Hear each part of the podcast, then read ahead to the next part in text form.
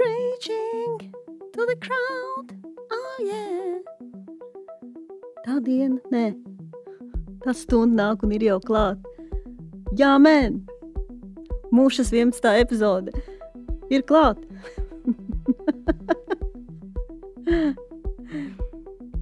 ah. Mēs ļoti, ļoti centāmies, lai mums sanāk 8. martā uztaisīt epizodi. Jūs pat nevarat iedomāties, cik sarežģīti mums ir saplānot laiku un ieplānot kaut kādu noteiktu datumu. Mums ir bijusi ļoti grandioza vīzija par kaut kādiem Ziemassvētkiem, jauno gadu un lieldienām un vēl nesko. Bet es ļoti ceru, protams, mēs šo ierakstām iepriekš. Es ļoti ceru, ka šis izskan 8. martā. 11. mūžas epizode, kas ir veltīta sievietēm. No, pirmkārt, tāpēc, ka mums ir sieviešu stāsti. Un uh, sieviešu stāsts par īpašajām sievietīšu problēmiņām. Un mums likās, nu, mēs varam salikt trīs superīgus, super relatable um, stāstus, kas pastāsta par to, kā tad ir būt sievietei 21. gadsimtā, cik tas ir brīnišķīgi un viegli, un cik maz izaicinājumu patiesībā mums visām ir. Un, ja tā pavisam godīgi, tad jau arī iepriekšējā epizode, kur bija agres lieģis stāsts, drusciņi ieskicēja ja, tā, to problemātiku. Eh, bet 8. Eh, martā mums ir plānoti trīs stāsti. Mēs sauksim šo epizodi Riktīgi sievišķīga epizode. Ja būtu vairāk vietas, kur ierakstīt epizodes nosaukumu, es ļoti gribēju, lai viņi saucās tik dēļ jums, daļās dāmas, dēļ jums. Bet nu, tam nepietika vietas. Tādēļ būs rīktīgi sievišķīga epizode. Tiem, kas klausās pirmo reizi, podkāsts mūžs ir veltīts stāstiem. Nu, tagad nevis manējiem, bet eventuāli mēs palaidīsim arī citu cilvēku stāstus. Es te vienkārši tā kā sākumā runāju. Un uh, jums ir priekšā tiešām brīnišķīgs ceļojums. To mēs redzam pēc tā, uh, kā mūsu klausās, kāda ir tie klausīšanās paterni citiem cilvēkiem. Viņi parasti sāk ar vienu epizodi, tad pakāpjas kādas pāris epizodes atpakaļ, un tad vienkārši mauc sākot ar pirmo epizodi, kamēr noklausās pilnīgi viss, kas ir mušā. Protams, bučiņas un, un pozitīvas domiņas visiem tiem, kas mums raksta un sūta ziņas par to, kā jums patīk podkāsts muša. Tas silda mūsu sirdis ļoti, ļoti. Mēs ļoti ceram, ka arī jūs ne tikai rakstīsiet tās pozitīvās lietas, bet arī atsūtīsiet kādus savus stāstus. Un, um, mēs, protams, jo īpaši gribam dīvains stāsts par marginālām pieredzēm, par dīvainām pieredzēm. Un uh, perfektajā stāstā ir drusciņš skumji un ir drusciņš priecīgi. Un man šķiet, ka šodienas podkāstu epizodes stāsts patiešām visi trīs tādi arī būs. Viņiem visiem eventuāli ir labas beigas. Es domāju, mēs varam sākt. Pirmais stāsts ir no Sanitas Grīnas. Sanita Grīna um, ir viena no sieviešu stand-up biedrēm, un, um, un ir stāstījis par dažādām lietām. Bet ir viens tāds stāsts, uh, par kuru es jau no paša sākuma zināju, ka viņš ļoti labi iedarēsies mušā. Un viņš ir vienkārši brīnišķīgs. Viss viņai ir perfekts. Man jāsaka jums uzreiz. Un, uh, es pat neko daudz nestāstīšu, jo es gribu, lai jums paliek tas prieks un, un pārsteigums. Sanitas Grīnas stāsts, un tad es ieraudzīju viņu Es uh, iesākumā gribēju jums uh, kaut ko nolasīt, un tas būs fragments no mana uh, 11. klasē uzrakstīta domāraksta. Tā tad uh, fragments. Jā, kas man ko sapņot par tevi? Tu esi pavasara lietus, es tikai viena no daudzām, kam noglāsta galvu. Tikai tā smarža, ko tu atstāji manā sirdī, kad pirmo reizi tevi sastapu, Tā mani vajā, tā mani biksta. Ej, ej lietū, izplet rokas kā spānus un mēģini lidot. Saki man, pavasara lietus, vai tava dvēsele ir tā kāja, kas lido virs jūras? Viņai nav māju. Tad ļauj arī man būt kājai un lidot kopā ar to. Vai tava dvēsele ir saule, kuru tu neļauj saskatīt, aizvilcis mākoņus kā segu savām acīm priekšā. Tad ļauj man būt mēnesim, Viņš klejo pa tām pašām debesu ārēm, kur saule, un nekad nesatiek to. Ja es spētu lidot, vai es spētu piekļūt tuvāk tev, mans pavasara lietus? Redzi, jau saku, mans. Es zinu, tu nēsi. Un tu jau nemaz nevari piederēt tikai man, bet ļauj man šo ilūziju. Tik grūti kaut ko saprast, kad noreipstu tavā skatienā. Tik ļoti gribētos noticēt, ka tu man, tieši man, gribi kaut ko teikt. Tikai nepaspēji. Dzīve aizrauj tevi atkal prom. Ak, neklausies manī, es esmu tikai sapņotāja. Man liekas, arī tu tāds esi. Vai esi? Par, par domārakstu es dabūju desmit. Uh, mūsu latviešu valodas un literatūras skolotāja bija sirdī dzēniece. Bet tagad es pastāstīšu par to mīlestību, kas man iedvesmoja uzrakstīt šo domārakstu. Tas sākās uh, pavasarī, kad man bija 15 gadu. Uh, iepriekšējā rudenī mēs bijām pārcēlušies uz dzīvi mazpilsētā. Es sāku iet jaunā skolā, 9. klasē. Un sākot iet jaunā skolā, pirmā lieta, kas bija jāizdara, protams, bija kādā jāiemīlas. Un uh, nebija ilgi jāgaida. Es iemīlējos uh, zēnā no paralēklases. Uh, pieņemsim, ka viņu sauc Artūrs. Un, uh, un tas bija ļoti labi, ka es biju viņā iemīlējusies, tādēļ, ka es arī biju tikko sākus rakstīt dienas grāmatu, un tad man bija tajā dienas grāmatā, ko rakstīt. Es, piemēram, rakstīju tā, Es nezinu, vai es esmu skumja tādēļ, ka šodien līst lietus. Vai varbūt lietus līst tādēļ, ka es esmu skumja. Vai tad atkal uh, mēs tiešām, jā, uh, vai tad atkal tā, es šodien redzēju viņu skolā, mēs tiešām sadaram kopā. Viņam bija mugurā dzeltens krēkls un ādas jaka, Un man šodien bija ap kaklu dzeltens lakatiņš apsiets. Nu, lūk, tādas turpinājās uh, līdz pienāca pavasaris, uh, un uh, parādījās mūsu mazpilsētā, parādījās reklāmas plakāti, ka um, kultūras namā būs koncerts. Un, uh, mūzika vispār tā tajā laikā īpaši neinteresēja.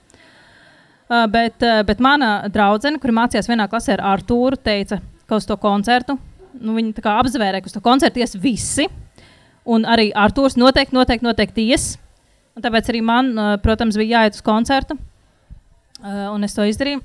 Mēs aizgājām uz koncertu, draudzeni, tur viss tur drusmējāmies, miņājāmies tajā uh, kultūras nama zālē. Pirms sākās koncerts, es um, skatījos apkārt, domāju, varbūt ieraudzīšu Artūru.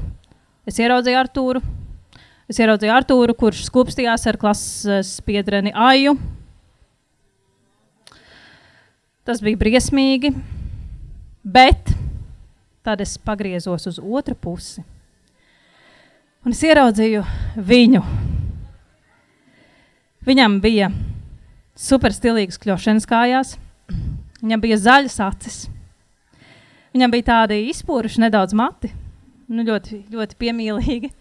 Viņš bija no Jēlgavas. Viņu sauca Renārs. Renārs Kaupers. Nu, lūk, Un tā kā man bija kaut kādā veidā jānokļūst tuvāk vīrietim, kuru es mīlēju, tad es iestājos prāta vēders fanklubā. Un uzreiz sajūtos, kā nokļūst starp savējiem, vai uh, precīzāk starp savējām, jo uh, tas viens puisis, kas arī bija fanklubā, nu, viņš jau nebija tā tāds ritīgs un nebija īsti nopietni ņemams. Uh, Nu, lūk, Fakultā bija ļoti forši. Mums bija īpaši fanu pasākumi, prātā vētra rīkoja tādus laikam reizi gadā. Un, nu, piemēram, viens pasākums notika Leļu teātrī. Tur sākumā bija koncerts. Pēc koncerta mēs varējām viņiem paprasīt autogrāfus, tur nofotografēties un, jā, lai kaut ko ieraksta blociņā. Tad, tad tas jau nekas, ka tajā blociņā jau bija kā desmit autogrāfi pirms tam. Man šķiet, ka, uh, man šķiet, ka bija arī Viktorīna, kurā varēja laimēt prāta vētras kasetes un kaut kādus citus suvenīrus. Nu, jā, tā, un tad uh, mēs, protams, visas, mēs visas zinājām, ka mums ir kaut kā jāprūpējās par tiem vīriešiem, kurus mēs mīlam. Un tādēļ mēs nesām uh, prātvērts puišiem dažādas dāvaniņas. Viena meitene, piemēram, bija uzadījusi šāli Renāram ar uh, saulītēm. Nu, es uh, nemācēju lāga adīt, un uh, tāpēc es varēju viņam uzdāvināt tikai pašdarinātu sauso ziedu kompozīciju. Tad, um, tad bija vēl viena meitene, uh, Zanda, kura viņiem parasti uz katru fanu pasākumu cepa torti. Nu, un tā tālāk. Vēl tajā laikā bija tāda ļoti, ļoti populāra izrāde Dāmas teātris Šveiks. Tad šo izrādi vajadzēja iet daudz reižu pēc kārtas. Es, piemēram, biju uz Šveiku sešas reizes. Tas nekas nav. Stāstīja, ka Torša Zanda esot bijusi uz Šveiku vismaz 20 reizes. Un es arī tam tiešām, un es tam tiešām arī ticu, jo vienu reizi, kad es biju uz izrādi, tad uh, Torša Zanda sēdēja man aiz muguras, un viņa zināja no galvas visu izrādes tekstu un skaitīja to līdzi. Nu, tas, protams, nedaudz lika man šaubīties. Es nezināju, es nezināju to izrādes tekstu, no kā tas man lika šaubīties, vai es varētu uh, iekarot Renāru sirdi. Bet es tomēr sapņoju, Es ticēju, un es arī saņēmu zīmes, ka es tiešām esmu īpaša. Piemēram, tāda zīme bija, kā kādreiz viņš man blociņā ierakstīja šādus vārdus. Jā, rekurors pierādījums. Nav pasaules mazas, nav pasaules lielas, ir tikai mūsējā. Tas bija pirms šī dziesma sāk skanēt radio. Lūk, eh, vai atkal tā reize, kad, eh, eh, kad es arī aizgāju kādu dienu sagaidīt viņu pie um, aktieru izējas dēls teātra pēc, pēc izrādes beigām, un es tur biju vienīgā. Tā bija vasara, un Renārs bija riteni, un viņš ļāva man sevi pavadīt līdz pat viņa mājām Čaka ielā. Nu, lūk, um, nē. Tas viss uh, beidzās daudz prozaiskāk, uh, diemžēl. Par, nu, mana 16-gadīgā sanita varbūt būtu bijis priecīgāk, ja tas būtu beidzies tādā veidā, bet es nevaru šeit sameloties, tā tas nebeidzās. Uh, bet es, um, pirms es izstāstu, kā tas beidzās, tad es um, varbūt pateikšu pāris vārdus par to, ko man uh, šī fanošana deva. Uh, īstenībā tas man deva diezgan daudz. Pirmkārt, es atradu tādu kop, kopības sajūtu un savu kopienu, kas man tajā brīdī ļoti, pēc, pēc kā es tajā brīdī ļoti ilgojos. Un otrkārt, tas bija arī tāds veids, kā pārvarēt uh, kaut kādu kautrību, kas varbūt man bija tiešām ļoti izteikta. Jo nu, pirmajā mirklī jau paprasīt to foto un, un to autogrāfu bija tomēr prasīt tā drosmi. Uh, Uh, pēc, tam, nu, pēc tam tas varbūt nedaudz, nedaudz, bet tikai nedaudz pārvērtās tādā stalkošanā. Bet, nu, kurš tad nav gājis pusstundu pastāvēt pie sava iecerētā uh, mājas, lai, lai, lai, lai ja viņš gadījumā iznāk laukā? Nu, nekas tāds īpašs. Nu, jā, tas arī bija kaut kāds veids, kā iegūt kaut kādu patstāvību, nedaudz vai neatkarību. Jo, Un tajā laikā es jau biju atpakaļ Rīgā, atgriezies no, no mazpilsētas, un, un, un kamēr gāju vidusskolā, tikmēr dzīvoju pie Omas. Un, eh, un tad arī nu, nu, nu, nebija tikai viens tāds gadījums, kad, es, eh, kad Oma domāja, ka es palieku pa nakti pie draudzenes, bet mēs bijām vilcienā un braucām uz Tukumu vai uz Valmieru, kur klubā bija prāta vētras koncerts. Nu, bija jau tā mazliet jocīgi pēc tam paskaidrot, kāpēc es no draudzenes esmu atgriezies mājā pūksteni septiņos no rīta, jo mēs braucām atpakaļ ar pirmo vilcienu no, no Tukuma vai Valmieras. Uh, bet nu, es biju ļoti pārliecinoša. Uh, arī iemācījos, ka es varu arī pārliecinoši melot, ja vajadzīgs. uh, nu, nezinu, vai Oma man piekristu, protams. Mm. Bet, nu, jā, un, un, un, un tā tas tā kā kaut ko tas manā dzīvē deva. Uh, Un kā tas beidzās? Uh, nu, ļoti, uh, īsnībā ļoti uh, prozaiski. Tā kā tas mēdz dzīvē beigties bez nekāda īpaša blīkšķa.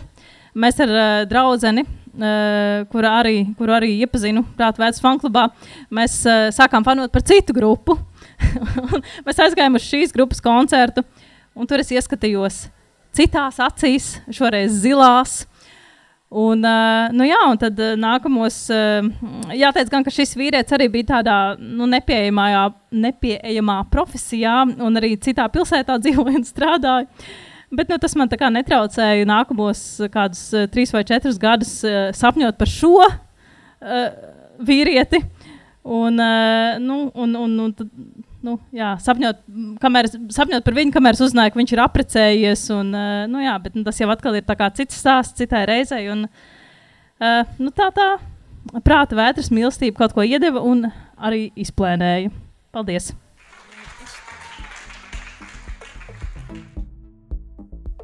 Te var druskuļi nojaust, um, Sanītas stāstā, uh, ka te ir tāda vesela um, vecuma grupa, par ko mēs runājam.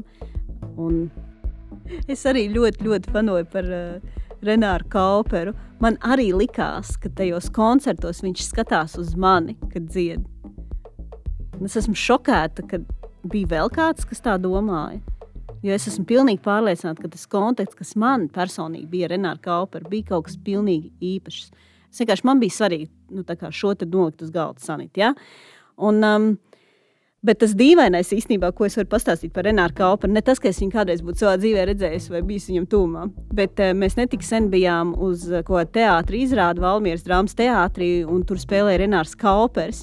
Un uh, vienai no manām meitām, viņš, viņai bija bijis krašs uz viņu, un man liekas, ak, mans dievs, tā sērga, viņa iet cauri paudzēm. Es pat nemaz nerunāšu par tiem kauperu dēliem. Gan jau, ka viņām ir arī krašs uz viņiem. Es tomēr cenšos kā, ieturēt kaut kādu, kādu standartu, tāpēc, ka tomēr tie kauperu dēli, man liekas, ir pārāk jauni, lai man būtu krašs uz viņiem. Labi, lai gan īstenībā jāsaka, to kauperu dēlu es redzēju vienreiz Iliju, un viņš izskatījās ļoti skaisti. Bet labi, ne par to. Ne par to. Um, nākošais stāsts ir no kaķes. Kaķe atnāca uz vienu no mūsu pasākumiem kaut kam līdzi. Bet uh, viņa teica, ka viņai ir ko pastāstīt. Un, uh, es uh, viņai iedevu savu Instagram kontu. Tad viņš saucās Kaķa Patriarchāte, Kaķa Patriarchātā. Un, uh, es uzreiz sapratu, ka tā, tas, ir, tas ir tas saturs, kas mums ir vajadzīgs mušā. Mēs uzaicinājām Kaķu izstāstīt par savu stāstu. Labā ziņa ir tā, ka kaķi vairs nav patriarchāti. Um, kaķis Instagram tādā saucās Kaķa Ņēfa patriarchāti, ar ko mēs, protams, viņu visi apsveicam. Uh, un, um, man ir jābrīdina jūs, ka tajā brīdī, kad mēs veidojām podkāstu, mums, mums likās, ka varbūt ir jēgpilni ļaut cilvēkiem runāt ne tikai latviešu valodā, bet arī angļu valodā un arī krievu valodā. Un šis ir viens no tiem stāstiem, kas ir krieviski. Tā kā ja jums problemātiski ir krievu valodu, tad uh, jums varbūt kāds desmit minūtītes ir jāpatina uz priekšu. Uh, jo jūs priekšā, jums priekšā vēl būs trešais stāsts, bet kaķis stāsts ir krieviski. Šis nebūs viegls stāsts. Šis stāsts ir par vardarbību. Un, nu jā, mēs viņu nosaucām Izeja ir. Sveiki! Nu, tagad pēc humora pilniem stāstiem man būs uh, jāstāsta skumīgas lietas un vēl krievu valoda, bet nu nav ko darīt. Labi, bet es tik un tā es lasīšu pasāku, tāpēc mierīgi jūs varat pačuķēt un uh, atpūsties šajā brīdī. Tātad. Я назвала свой рассказ, свою историю «Сказка с несчастливым концом». Небольшое предисловие, чтобы мне не было так страшно. За последние два года я делилась своим опытом много раз в разговорах, в своем блоге, в разных арт- и медиапроектах. И каждый раз, когда я это делаю, меня посещают одни и те же мысли. Они у меня возникли и в этот раз – Зачем мне рассказывать настолько личное? А, про себя еще и про другого человека. Зачем снова? Я же уже об этом говорила. Может, стоит рассказать об этом а, в этот раз как-то повеселее, чтобы все не выглядело настолько трагично, и я не выглядела такой бедной жертвой. На каком языке лучше говорить?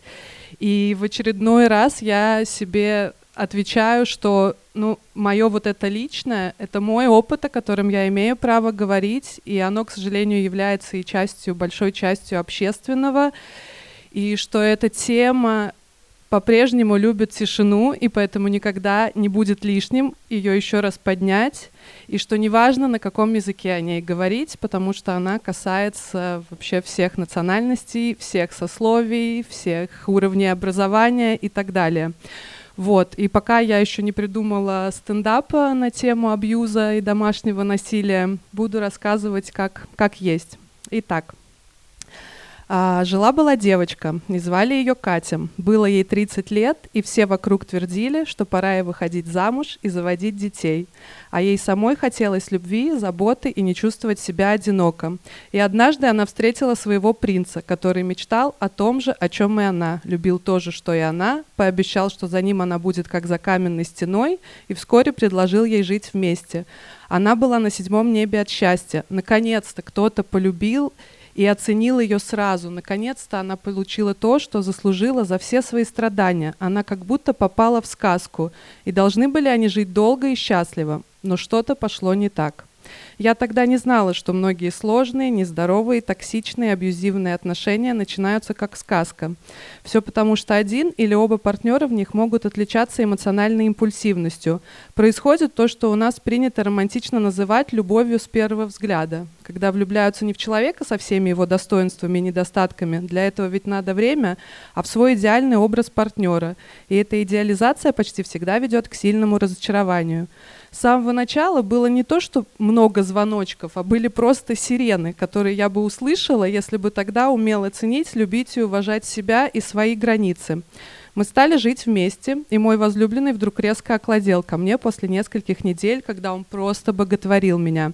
Я, конечно, решила, что проблема во мне. Он просто увидел меня настоящую, недостаточно красивую, недостаточно умную, недостаточно сексуальную, а значит, мне надо еще лучше стараться. Когда он спустя несколько дней знакомства сказал, что любит меня и что никому до этого не говорил этих слов, даже маме, меня это обрадовало, а не смутило, что 35-летний мужчина никого никогда не любил. Когда он показал своим видом, что ему неприятно мое общение с друзьями-мужчинами, я решила, что это небольшая жертва во имя нашей великой любви и перестала с ними общаться.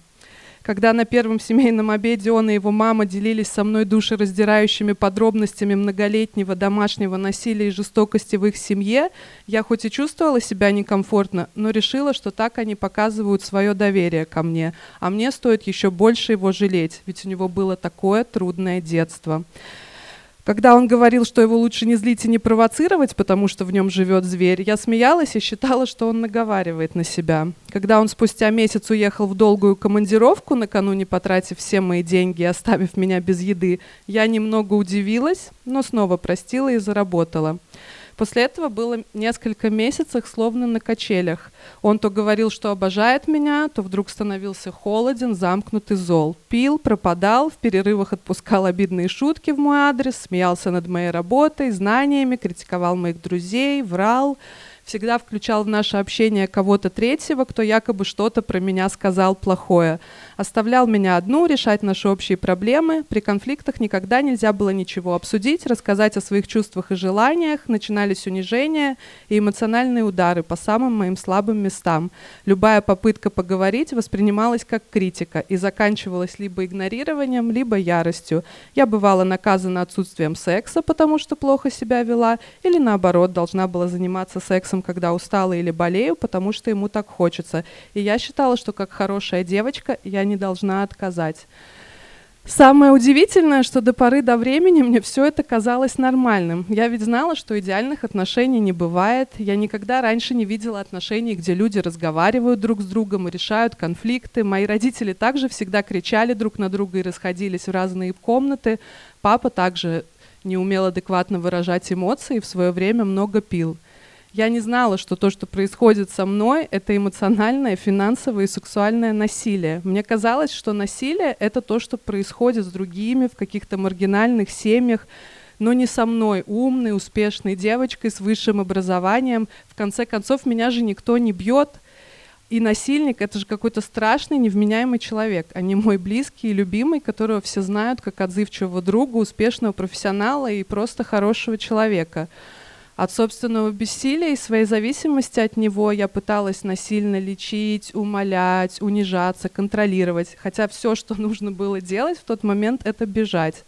А, но однажды после очередной нашей ссоры во мне нашлись какие-то остатки достоинства, и я ушла, а через две недели узнала, что беременна.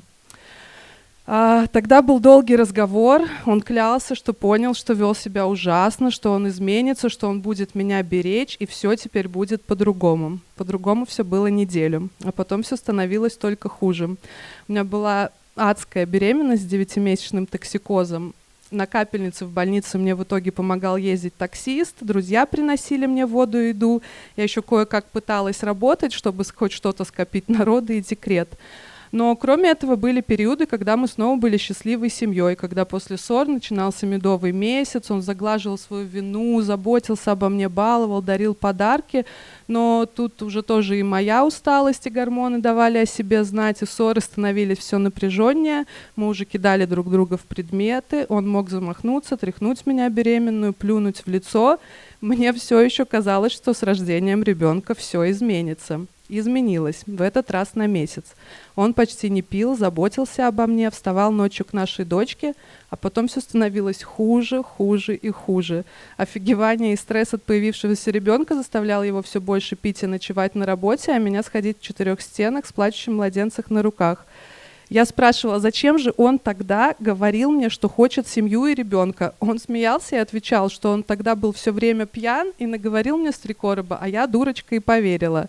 Просто я была самой яркой девчонкой в компании, все вокруг говорили обо мне, и он захотел попробовать меня заполучить. Было больно. Помню, с утра 14 февраля он вернулся с ночной смены и начал пить. Его не было до этого дома неделю. Я слезно умоляла его этого не делать, поспать и дать мне после обеда передышку. Закончилось это праздничное утро тем, что он пытался меня задушить, кинув нашу двухмесячную дочку на край кресла. Я помню эти доли секунды, когда я смотрела в его обезумевшие глаза и понимала, что он не остановится, то на нашу маленькую дочку, которая могла упасть на пол. И каким-то чудом я нашла в себе силы, столкнула его с себя, открыла окно и начала звать на помощь. Но и после этого мне не хватило сил уйти. Родственники как-то не очень ярко отреагировали на эту ситуацию. Ну, типа, бывают в семье конфликты. Мне было страшно остаться одной, с новорожденным ребенком, без денег и без него. У меня часто спрашивали после, а почему ты не ушла? Много было причин, но основная, наверное, стыд. Стыдно было признаться даже самой себе, что это все происходит со мной. Но в следующие пару месяцев я начала замечать, что он относится и к дочери так же, как и ко мне. А ведь она-то точно ни в чем не виновата. В этом я была уверена. Я чувствовала себя каким-то предметом. Когда мы были нужны, нас доставали из шкафа. Когда нет, нас запихивали обратно, и мы должны были сидеть там тихо. В одну ночь он был сильно пьян и агрессивен. Я была на грани нервного срыва, мне пришлось вызвать полицию, и тогда я вдруг четко осознала, что он ни перед чем не остановится, когда не может справиться со своими эмоциями. Мне реально стало страшно за дочку, и в ту ночь в моей голове что-то переключилось. После я хладнокровно выставила его из дома, впервые без слез и сожалений. На следующий день поменяла замки в квартире и подала на развод. О, он был просто в ярости. Его эго не могло такого вынести. Он рвал и металл, унижал и унижался. И это был просто незнакомый мне человек. Я поняла, что все сделала правильно. Дальше бы точно было еще хуже. И после этого начался мой долгий путь восстановления, выздоровления. Подруга дала мне почитать книгу «Женщины, которые любят слишком сильно», о женщинах, которым не хватило в детстве опыта безусловной любви, которые привыкли эту любовь заслуживать, привыкли спасать, терпеть, принимать вину на себя за поступки другого. Потому что когда ты ребенок, и твой родитель проявляет к тебе жестокость, то включается такой естественный защитный механизм нашей психики, чтобы иметь хоть какую-то иллюзию контроля и безопасности, решить, что это твоя вина. И если ты будешь себя вести хорошо, то взрослый не будет злиться. Это, конечно, есть и у мужчин, но в нашем обществе так сложилось, что такие паттерны поведения больше прививаются девочкам. Нам нельзя защищаться открыто, проявлять гнев и агрессию. В книжке также говорилось о взрослых детях-алкоголиков, которые в детстве так хотели помочь зависимым родителям, что и во взрослом возрасте привыкли спасать других, жертвуя собой. Мне многое стало тогда понятно про себя. Я начала поглощать огромное количество информации о признаках домашнего насилия, о причинах и выходе из абьюза. Я пошла в психотерапию, я стала изучать вопросы феминизма. Я поняла, что я очень устала быть жертвой. Я начала жестко отстаивать свои границы у бывшего мужа и требовать выполнения отцовских обязанностей. Я начала вести блог и открыто это все обсуждать. И оказалось, что таких, как я, к сожалению, очень и очень много. А когда-то мне казалось, что я одна такая неудачница. И сегодня я знаю, что я достойна любви просто так, потому что я есть, и что я и сама могу себе эту любовь дать, не обязательно искать ее откуда-то извне, и что я не должна терпеть то, что мне нравится, и что бьет, не, значит не любит, что самоутверждаться за счет того, кто слабее, это самая большая слабость, а семья это где принимают и поддерживают. И дом — это где тепло, безопасно, и тебе ничто не угрожает. И сегодня, после записи нашего подкаста, я пойду к себе домой, к своей любимой дочке, в наш настоящий дом. Спасибо. Paldies, Kaķa, ka tu padalījies ar šo stāstu. Un jāsaka, ka viņu klausot, klausīties bija smagi. Un, un es pieļauju, ka arī, arī jums viņa nebija viegli klausīties, lai kur jūs būtu. Bet, um, Es nezinu, man liekas, 8. marts ir teorētiski ir tāda priecīga diena. Sievietēm tiek dāvāti ziedi, un par jums atcerās pat kolēģi, kuri uh, par jums ikdienā neatceras, vai priekšnieki, kas neuzskata, ka jūs būtu pelnījuši algas pielikumu, bet tomēr to puķi viņi jums iešķiebj. Un, um, Un tad tu drusku jūties parādā, jo tev ir izrādīta uzmanība. Un, nu, mani, protams, 8. marts ievērojami triggerē. Triggerē tādēļ, ka triggerē tā padara dusmīgu. Tādēļ, ka mēs neizmantojam šo iespēju, lai runātu par struktūrālām problēmām mūsu sabiedrībā, par nevienlīdzību, par to, cik daudzas sievietes ir pakļautas vardarbībai ne tikai fiziskai vardarbībai, bet arī emocionālai vardarbībai. Un, uh, tāpat laikā man jāsaka, ka es nu, redzu, kā, kā tas mainās. Uh, un, uh, par feminismu jautājumiem es, es runāju nezinu, pēdējos uh, savus dzīves teiksim, desmit gadus. Tad, uh, vēl pirms desmit gadiem bija tā, ka tas 8. marts bija tukšs. Viņš, uh, drīzāk tika svinēts tas, ka sievietes ir mūzes un iedvesmotājs un netika runāts par, eh, par, par to, kā jēgpilni padarīt sieviešu dzīvi labāku un vienlīdzīgāku Latvijā. Trešo stāstu Elīna Geida uh, izstāstīja pagājušā gada rudenī. Uh, viņa ir viena no divām, kas ir improvizācijas savienība, kurā ir divas sievietes, divas ļoti asprātīgas sievietes. Un, ja jums patiks Elīnas stāsts, lūdzu, pačekojiet, kad viņiem ir nākamais pasākums. Viņas arī vada pasākums, kāzas un tam līdzīgi. Un, um, uh, viņa kaut kad bija atnākusi uz mušu, un es uzreiz pieķēros viņai pie rokas un teicu, Elīna, tev kaut kas ir jāizstāsta, tev noteikti ir daudz ko stāstīt. Un viņa man sāk stāstīt brīnišķīgus, episkus stāstus par to, kā viņai periodiski uzmācās. Um, um, kāzinieki, kāzās, kuras viņa vada. Un es ļoti cerēju, īstenībā, ka tas stāsts būs par to, kā viņa vada pasākumus, un viņai um, vīrieši izšņauts degunu viņas klētā. Uh, bet viņi izvēlējās iet citu ceļu, kas ir tieši tikpat brīnišķīgs kā mans iedomātais stāsts par to, kā viņi vada kāzas. Un šo stāstu mēs nosaucām Meklētākais vīrietis. Jā, labvakar. Man tiešām ļoti liels prieks būt šeit. Tīpaši starp daudziem, daudzām tādām sievietēm, kuras man liekas, nenormāli krūtis. Un arī ģēma. Paldies, ka tu man uzaicināji.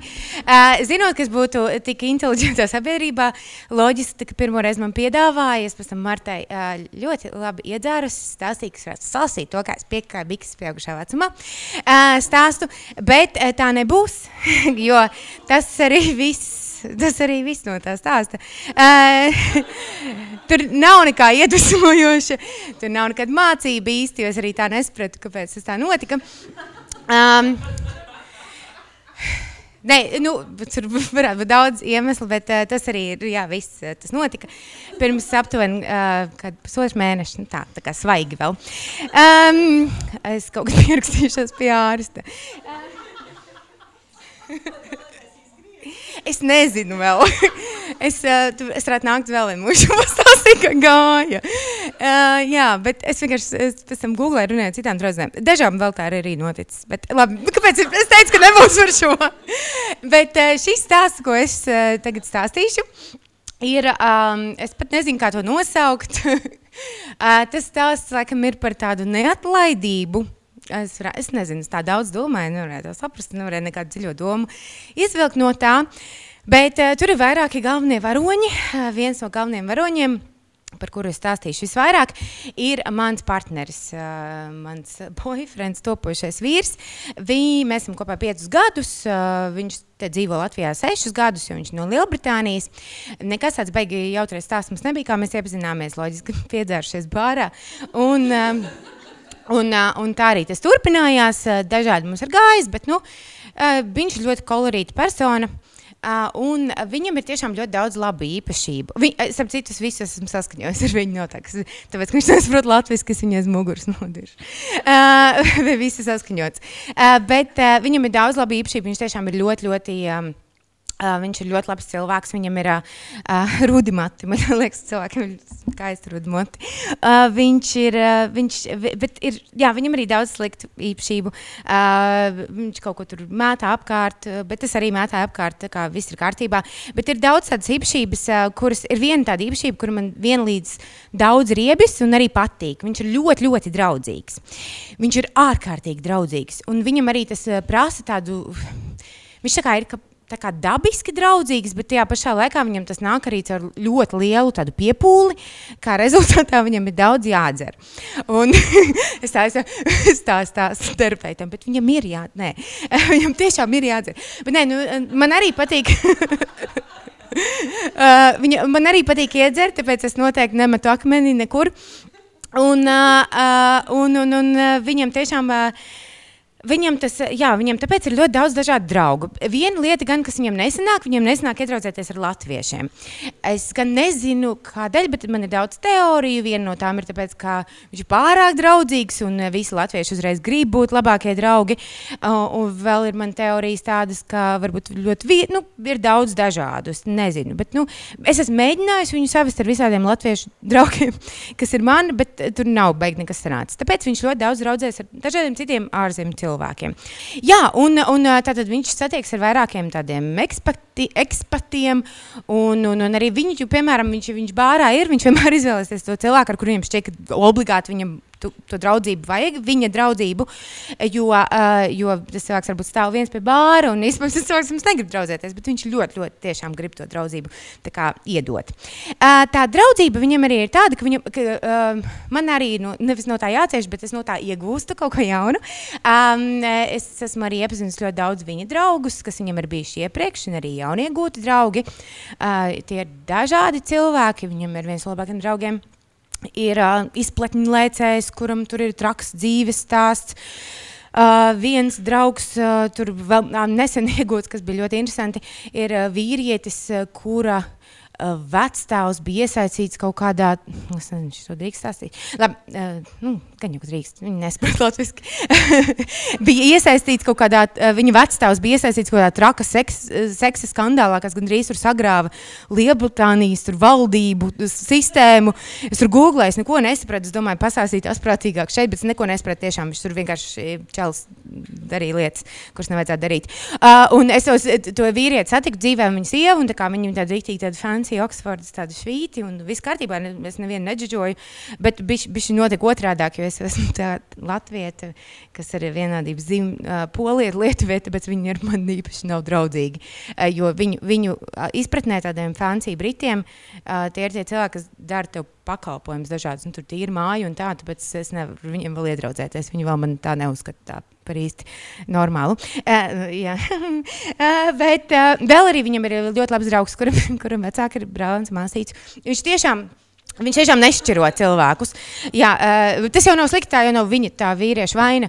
Uh, tie, tur, tie vecāki vairāk, bet nu, tas tiešām, es nezinu, nu, manuprāt, tas nav ok, bet nu, viņiem arī varbūt ir vieglāk, jo nebija jāmaina uzvārdi.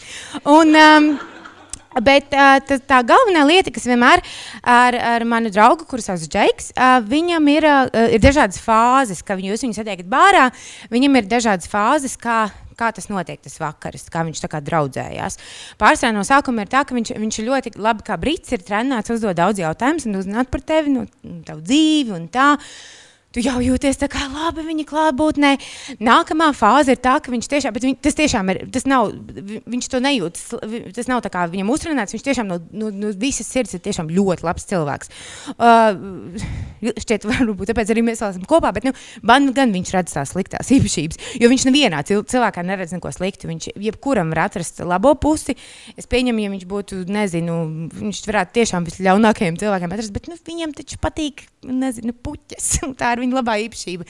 Uh, bet, uh, jā, tātad pirmā fāze ir, ka viņš uh, kā, uzdod daudz jautājumus, pēc tam viņš sāk uzsaukt ļoti daudz dzērienus. Viņš sev dzer, uh, pats iedzer un tad piedāvā visiem, kur vēlas arī kaut ko iedzert. Izklausās bailīgi. Nē, nē, nē, viņš nemēģina nevienu piedzertīt. Tas vienkārši tā kā, tā kā, o, varbūt tu gribi dzērienu. Tā.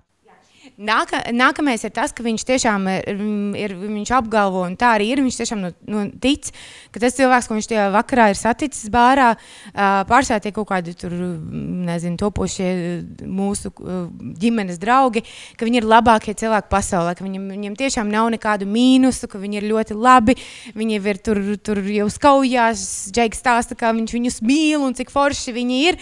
Nākamā fāze ir tāda, ka viņš jau ieloz viņus pie mums uz mājām, kaut kādu potenciālu potenciālo pokeru vakaru vai potenciālam vakariņām. Mums šobrīd ir notikuši vismaz noteikti kāds nav notikuši kādi 50 pokeru vakari vai 50 vakariņas, jo viņš nekad, nekad tas nenotiek vēlāk. Viņš tajā vakarā kā, ļoti iedzēris un labākais draugs visiem. Un pats pēdējais ir tas, ka viņš kā, jau mēģina kaut kādu biznesu bīdīt, jo tur, oh, sāksim tur biznesu, ir viens, viens čels no mūsu piemājas bāru, viņš mēģina pārliecināt, ka jāatver bārs kopā. Bet viņš tiešām tur tā lieta, ka viņš ir tiešām ļoti labs cilvēks un tāpēc viņš to grib darīt. Un tieši iemesla dēļ Uh, tāpēc viņš tiešām grib ar visiem draudzēties. Uh, uh, reiz, viņam arī ļoti daudz hobiju. Un viens no viņa hobijiem ir tenis. Un es pati tenisu nespēlēju. Uh, nu, es varu spēlēt, es gribētu, uh, bet es īstenībā nesaprotu hobijas līdz galam. Man liekas, jocīgi. Un, uh, tāpēc uh, viņš meklē citus biedrus tajā ekspat grupā. Uh, Tad viņš atrada kaut kādu tur, tur, tur vīrieti, ar ko spēlēt tenisu. Un, uh, viņš atnāca mājās un teica, ka, man ir forši, man ir jauns tenisa čoms, un mēs ar spēlējām. Es saku, nu forši, kāds viņš ir. Viņš protams, viņu ir ielūdzis mājām, lai gan viņi bija skaidrā. Uh, bet viņš jau ir tur ielūgts kaut kur nākotnē uz kādu dērienu ar mums, un tā es saku, oh, forši. Paiet kāds laiciņš, un, uh, un mēs aizējam, uh, aizgājām uz mūsu pie, piemājas bāru, kas ir avotu ezītis, un uh, mēs tur kaut kā tur dzērām aliņus, un, un kaut kas tur notiek, un viss forši. Pēkšņi ienāk kaut kāds čalis. Viņš ienāk iekšā telpā, un, um, un, un, un, un, un Tāds ļoti tāds skaļš, tāds mans draugs arī ir ārkārtīgi skaļš. Ļoti, ļoti skaļš. Tas varētu būt tāpēc, ka, kāpēc Latvijas viņi negrib draudzēties. Viņš ir nenormāli skaļš, nenormāli skaļš. Ir īpaši, ka viņš iedzer drausmīgi kliedz visu laiku. Uh, bet ne, tā pozitīvi kliedz. Es saku, es kā es šito nebiju skaļi pasāstījis, un es klausos, ka viņš ir drausmīgs. Viņš ir brīnišķīgs, viņu mīl ļoti. Uh, bet, um, Nu, kā kureiz. Bet, uh, jā, un, uh, un, un, un, un, jā, un ienāk tas čalis un tāds, un tāds, tāds uh, kaut kas tāds jocīgs. Zin kā, man liekas, uh, sievietēm ir īpaši uztrenēta tāda spēja, ka uz pat kaulu smadzenēm spalvas saceļas kaut kur iekšēji, ka tu redzi kaut kādus cilvēkus. Nu, man bija tā sajūta tāda jocīga, bet, nu, labi, es tā neņem vērā. Domāju, Elīna, atkal tu izdomā visu un tā. O, tad, nu, tas vakars mēs tur tā visi iedzeram, viss kārtībā, tur viss forši. Un viņš vienu to viesmīlu tā sagrābja aiz rokas. Kaut ko viņu tur grābja, un tā es saprotu, ka viņa paziņas, bet nu, es uzreiz tā kā es jau strādāju, man, man tiešām tā kā sākas skumja daļa, bet ne, nebūs tik skumji. Man arī daudz kur grābuši, tāpēc esmu ietrēnējusies ļoti skaļi un precīzi pateikt, ka nevajag tā darīt, un es viņu aizinu. Tagad mēs ar to bārmeni, ap citu, gan arī labākās draudzens, man nenormāls atlaides tajā bārā, un tā kā viss forši. Uh, un, uh, bet nu tā, tā kā beidzas tas vakars. Nu, tur, turpinās, Džeks pat nemaz nepamanīja to. Un uh, mēs vēl vienā brīdī ar viņu citu draugu iznācām uzpīpēt, kā bija nolikt to čurčolu. Ah, vēl par labi, nu, tas cits stāsts par to, kāpēc man jāpierakst lietas, pēc tam sāk stāstīt citu stāstu, un tad es aizmirsu, par ko es stāstīju. Bet jā, labi, pieraturamies pie tēmas. Tātad tas vakars beidzas. Uh, Man kaut kā tā jocīgi. Nu, labi, viņi jau tikai spēlē tenisu. Labi, vienalga. Uh, Pēc kāds laiks, tas bija pirms gada aptuveni. Bija pandēmija, un vēl jau labi, kad tā nav bijusi, jau sāk šķiest. šķist. Un uh, vasarā jau sāka visu vērt vaļā. Un tad atkal viņi bija uz kaut kādu dzērienu. Viņš atnāk mājās pēc tā tenisa un dzēriena, un kaut kādas jocīgas lietas runā. Un man tāda tik pretīga sajūta par to. Par to. Mēs varam viņu izdomāt kaut kādu vārdu tam vīrietim, ja nedrīkst viņu vārdu teikt. To, to citu. O, jā, bet britu vārds Ojārs. Ojar. Jā, ļoti labi. labi. Ojar. Uh, tātad viņš ir atkal bijis uz tenisa un dzērienu ar Ojar. Un, uh, un man ir tāda jau pavisam jocīga sajūta par viņu paliek.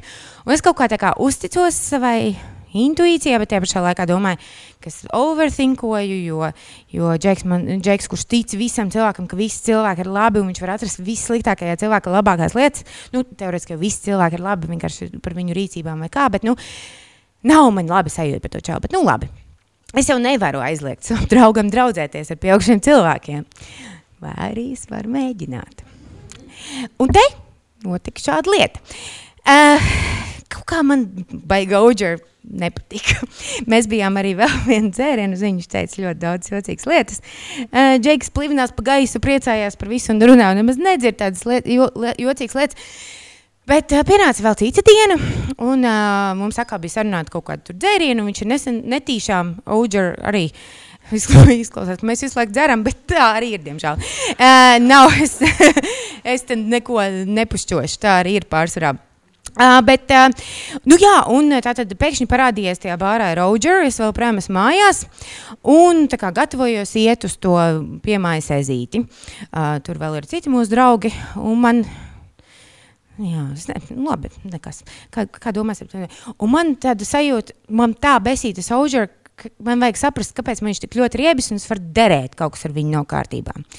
Tāpēc man vajag atrast pierādījumus, kaut kādas, un vajag atrast iemeslu, lai izliektu savam draugam un draudzēties.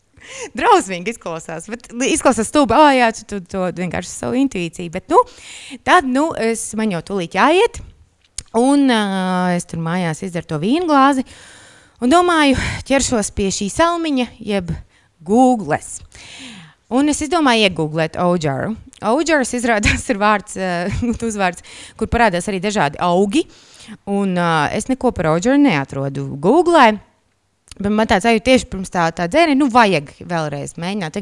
Un es sāku googlēt dažādiem atslēgas vārdiem, kā mēs mācāmies no antivakseriem. Ja tiešām uh, ar pareiziem atslēgas vārdiem var atrast jebko, manā gadījumā es atradu to, ka Oģer ir viens no desmit meklētākajiem noziedzniekiem vienā no Anglijas pilsētām. Um, It kā varētu būt tā, kā, oh, kuru tu nesauc Oģeru, visi sauc Oģeru. Varētu būt, ka vēl kāda tā sauc. Bet uh, labā ziņa tāda, nu, labā ziņa, Oģeram bija arī bilde, un viņš izties tieši pēc tā cilvēka. Uh, tie savā galvā es domāju, kurā fāzē šobrīd ir mans draugs ar Oģāru. Vai viņš ir fāzē, kur viņš vēl viņu tur izprašņā, vai viņa ir fāzē, kur viņa aizgājuši līdz biznesam. Es nezinu, kas ir tas, kādus noziegumus viņš ir izdarījis, bet nu, viņš ir viens no meklētākajiem cilvēkiem tur. Es nezinu, tāda pilsēta varbūt tas ir tāds sīkums, varbūt viņš končus nospēra veiklā. Es nezinu, uh, bet visdrīzāk, nē. Uh, un uh, es domāju, kāds ir rīcības plāns. Es nevaru rakstīt uh, savam draugam, teikt, ej, klausies, Oržāra ir rītīgs noziedznieks, jo uh, mans draugs ir ļoti draudzīgs, un viņš tā kā varētu arī. Nu, Ne, viņš ir labs cilvēks, mums ir jāsteig. Bet viņš varētu arī teikt, oh, klausies, ko tu izdarīji? Nu, viņš varētu arī atklāt to, un tu beigās mūsu oģāra bandi mūs visur. Um, Visur mūs, uh, man, man bija bijis bail, bet man bija tāds, man jānodod šis ziņojums savam draugam Džekam, un man ir jāiziet uz bāru, un šīm draudzībai ir beidzot jābeidzas. Es esmu izdarījis visu, yes, un es biju tā kā priecīga, bet tiešām arī nobijusies, jo viņu meklē. Tā kā jā. Un uh, es tā kā dodos uz to bāru. Es haotiski esmu uzrakstījis savām labākajām draudzenēm chatiņā, un visu kaut ko tādu, un tā kā nezinu, ko man darīt, un tā. Un es ierodos tajā bārā, un ir fāze numur paga. trešā, kur viņš viņu mīļo un saka, ka viņš ir vislabākais cilvēks pasaulē. Viņam saka, cik viņš ir labs un cik viņam viss ir forši un ka viņam, viņš ir tik, tik superīgs un apskaujās. Un es stāvu un domāju, ak, mans dievs, ak, mans dievs kā lai es šo apturu, tāpēc, ka ir vēl nākamās fāzes un kā lai es viņam to šo nododu, kad vai bēgam no auģāra un tā kā nē, nē, nē, lūdzu, nē. Vienmēr jocīgi sajūta par viņu bijis, lūdzu, nē. Un uh, pēkšņi ierodas auģāra draudzene. Un te man liekas, tiešām, ka es dažreiz dzīvoju tādā trūmēna šovā, bet es domāju, daudziem mums bija tāda sajūta. E, es paralēli arī vadu kāzas un, um, un citas pasākumus. Un, un, uh, es vēl nesen biju novadījis ļoti foršas kāzas, ļoti foršai sievietei ar vīrieti. Viņa bija tā kā nenormāli, tur priecīgi, jā, tur forši. Un vedēja māte bija tāda meitene, kur bija tā kā, oh, tur man uzreiz uzaicināja Facebookā draugos. Uh, Labi. Un, uh, jā, uh, bet, uh, jā, un uh, pēkšņi mēs tur sēžam, un tad ierodas auģē draudzene, un tā ir tās līgavas māsa. Un man tāds, blēdi, auģē, tu esi rīktīgi izmetis savus tīklus Latvijā, tā kā vecīt. Kas, nu, bāc, nu, kā šis ir iespējams? Nu, man liekas, viņš tā kā, viņš tā kā man šito dara. Un es tagad redzu to meiteni, un man tāds pats, kuriem, kas man tagad jādara, un vienkārši tā kā nezinu. Jo man liekas, tāda man tāds sieviešu pienākums būtu viņai tā kā pateikt, bet ja viņi jau visu zina, Ožāram ir jocīgi baikeri draugi, no kuriem bail, jo viņi stāsta jocīgus stāstus, kurus bija iepriekš dzirdējis. Un, uh, un tad man ir tā kā bail, un arī Nezinu, kā nodot šo informāciju.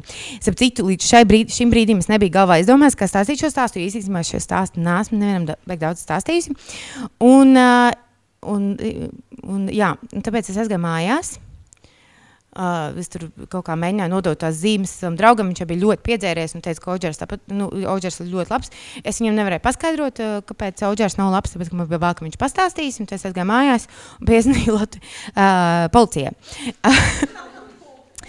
es piezīmēju policijai un uh, teicu, labdien!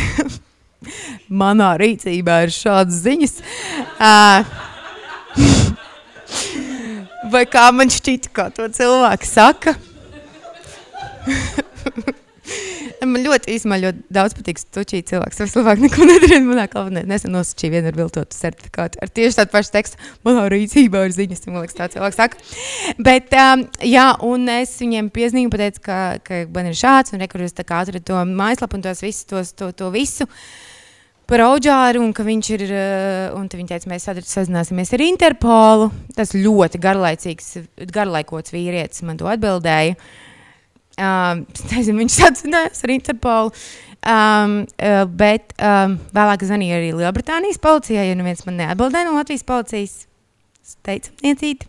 Un uh, Lielbritānijas policija arī tad, tā kā īsti nevarēja saprast, kas un kā. Un uh, tad man uh, pa pusē apnika, pa pusē man Džeks palūdza, lai es to vairs nedaru. Viņš bija normāli šokā, man liekas, viņam bija kauns. Un tā kā Oģers ir bijis viņa draugs visu šo laiku. Un, uh, un šobrīd tas ir tā, ka es, zinu, ka Oģers kaut kur ir. Es nezinu, kas jādara, jo tā policijai bija tā kā vienalga. Uh, uh, internetā tās visas tās ziņas, kuras es atradu, vai bija vairākas lapas, kur Oģārs ir, viņš ir noziedznieks, uh, un ka viņš tur kaut ko, varbūt, es saku, varbūt tas bija pa končām, tiešām viņu vairs neviens nemeklē, bet, uh, bet nu, tad diez vai, nu, varbūt tur nav daudz veikalu, un tās končas ļoti, es nezinu, bet, uh, jā, un uh, šim stāstam vēl nav tādu beigu, jo es tā kā tam neesmu ķerusies atpakaļ vēlreiz kādam zvanīt, bet, Es mēģināju vēl nesen uh, googlēt auģāru, un uh, es atradu kaut kādu rakstu, ka tieši arī auģārs kaut kas, tādu pašu vārdu un uzvārdu, izdarījis vēl kaut ko tur Lielbritānijā, sadarījis tādas lietas, es ļoti ceru, ka tas nav tas. Jo es, man liekas, izdarīju visu savu pilsoņu pienākumā, ko vajadzēja darīt. Es neko nevarēju izdarīt, bet, nu, tā kaut kā. Uh, bet, um, Auģers nenāks pie mums, tad es palūdzu arī savam draugam, vai tagad tu vari ar viņu lūdzu nedraudzēties. Un viņš ar viņu vairs nedraudzējās. Oģērs gan ik pa laikam bija mēģinājis viņam uzrakstīt un uh, piezvanīt un kaut ko ar viņu uzaicināt, ko tenisu vai kaut ko tādu. Un tad mēs mēģinājām domāt visādus tur slepenos plānus, kā lai Oģērs neuzzina, ka ka visi par viņu ir zināms, un tam īsti nav tāda atrašanās. Man gribētos, lai šeit tāds skaists punchlines vai beigas, vai teiks, ka, ha, tas nebija viņš, vai kaut kas tur, nu, kaut kāds tāds, bet tāda nav. Tāpēc, ja jūs uh, uh, zinat, kas viņš ir, vai Es nezinu, es nezinu. Es ceru, ka nevienu no jums neredzēšu nekad ar viņu. Ja būs, es teikšu, Oģārs. Jā, tas būs. Tā būs uh, slepenais kods latviešu, kā mēs varam viņu atpazīt. Bet es pat nezinu, ko darīt tādā situācijā. Viņš ir, viņš ir noziegums. Varbūt tas bija tiešām, varbūt beidzās tas noziegums. Viņam es nezinu. Var noziegumu beigties. Nu, ka viss tā kā, ah, labi. Abi krāpjas naudu. Ne. Es, es arī nezinu, kas īsti, ko viņš ir īsti izdarījis. Mēģināju saprast, bet uh, tur tas lieta ar to ekspertu vārdu, kurus nesapratu. Lai gan man angļu ļoti, ļoti labi. Uh, bet jā, tālūk. Tas ir mans stāsts par manu draugu un par, ma, par auģāru, bet nu, uh, es nevaru sagaidīt kas ir nākamie cilvēki, ar kuriem es tikšu iepazīstināta nākotnē, kas būs viņa potenci potenciālā draugi. Tā kā jūs kādreiz, kādreiz redzat mani un viņu, droši nāciet klāt. Džeks uzsauks daudz dzērienus un būs ļoti draudzīgs. Un, un jā, es arī mēģinu mācīties no viņa būt draudzīgāk, bet ar savu intuīciju. Nu, tā kā kombo. Tālāk. Paldies! Liels.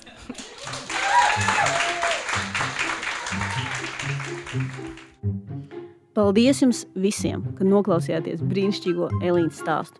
Esiet uzmanīgi, esiet uzmanīgi, meklējot sev jaunus draugus. Pagūglējiet, varbūt dažreiz viņus. Einu sazinu, varbūt arī jūsu tuvākos draugus meklē Interpols. Tu nekad to nevar zināt. Varbūt pat kādu no jūsu kaimiņiem meklē Interpols. Un varbūt jums izdosies daudz labāk, kā Elīnai Gaidai, panākt, ka kāds arī atbild uz tavām aizdomām par to, ka cilvēku, kā jau iepriekš teicu, meklē Interpols. Un atcerieties, slepenais drošības vārds visiem, kas ir klausījušies mūsu, ir Oģārs. Nu, ko, paldies, ka jūs bijāt kopā ar mums mūsu īpašajā sievietītēm veltītajā epizodē. Mēs ļoti ceram, ka 8. marts jums paiet brīnišķīgi. Ja jūs gribējāt puķis, jūs viņus dabūjāt. Negribējāt, nedabūjāt. Gribējāt dabūt, bet nedabūjāt. Pašas sev nopirkāt. Un jācer, ka 2022. gads būs tāds tā pagrieziena gads Latvijas valsts brīnišķīgajā vēsturē.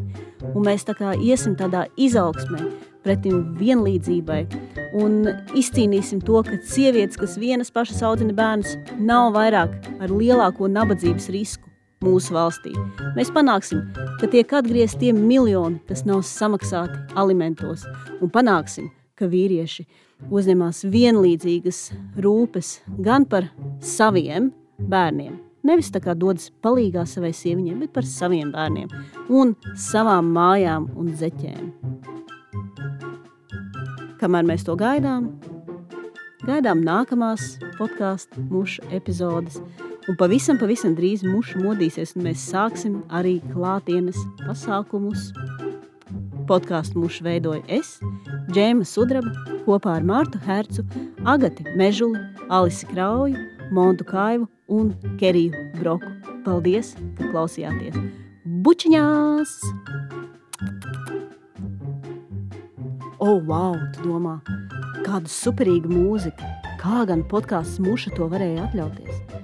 Pareizā atbilde ir nekā. Mums to uzdāvināja brīnišķīgā komponiste Anna Pluto. Viņu starp citu var atrast Spotify.